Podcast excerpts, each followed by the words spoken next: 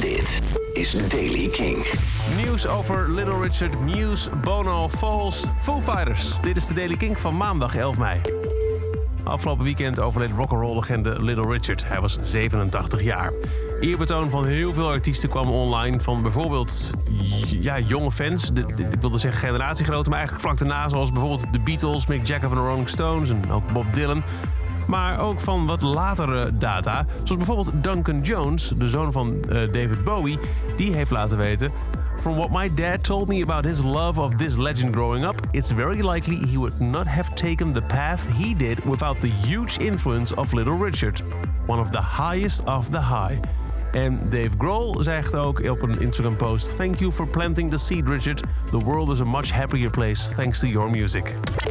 Muse komt met een live film van de Simulation Theory Tour. En volgens frontman Matt Bellamy wordt het hun versie van The Wall. Een vergelijking naar de legendarische Pink Floyd film uit 82... die weer was gebaseerd op het album uit 79. De show is gefilmd op twee van de data in de O2 Arena in Londen, september vorig jaar. Dus bevat het elementen van de live show... maar ook veel van de grafische elementen die zijn gemaakt rondom het album. Met Bellamy voegde er ook nog aan toe in een interview met eh, Apple Music Beats One en Zane Lowe. Dat ja, eigenlijk mag ik vooral niet zeggen dat het erin zit. Ik moet benadrukken dat het toeval is en dat we het al hebben gefilmd voordat het allemaal aan de hand was. Maar in de film doen we ook iets met een virus. We wisten natuurlijk niet dat het er achteraan zou komen, maar het wordt wel interessant om te zien hoe dat er nu uitziet, wetende wat er nu allemaal aan de hand is. Wanneer de film precies uitkomt, weten we nog niet, maar waarschijnlijk nog ergens dit jaar. Gisteren, zondag 10 mei, vierde Bono van U2 zijn 60ste verjaardag. En daarom heeft hij een playlist gemaakt: 60 Songs That Saved My Life. De lijst bevat muziek van uiteenlopende artiesten, is zo'n 4 uur lang. Maar wat wel leuk is, hij heeft ook aan alle 60 artiesten een fanmail gestuurd, een brief.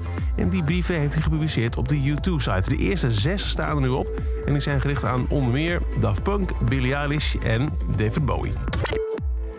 Vols hebben voor het eerst een making-of documentaire van het album Total Life Forever online gedeeld. Hij staat op YouTube, duurt 20 minuten en is online gezet omdat het album 10 jaar bestaat. En wanneer het volgende tiende album van de Foo Fighters nou precies uitkomt, dat is nog steeds niet duidelijk. Het is af. Maar ja, vertragingen, uitstellen, corona.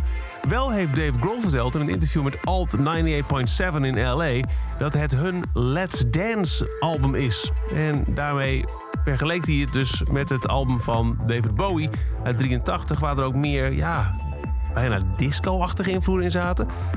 Het zegt, het is bijna een dansplaat. Geen EDM, geen disco, geen modern dance, maar het heeft een groove. Het lijkt, zo zegt Dave Grohl, voor mij echt op onze David Bowie Let's Dance plaat.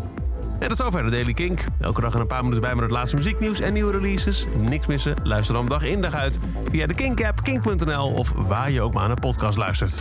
Elke dag het laatste muzieknieuws en de belangrijkste releases in de Daily Kink. Check hem op kink.nl of vraag om Daily Kink aan je smart speaker.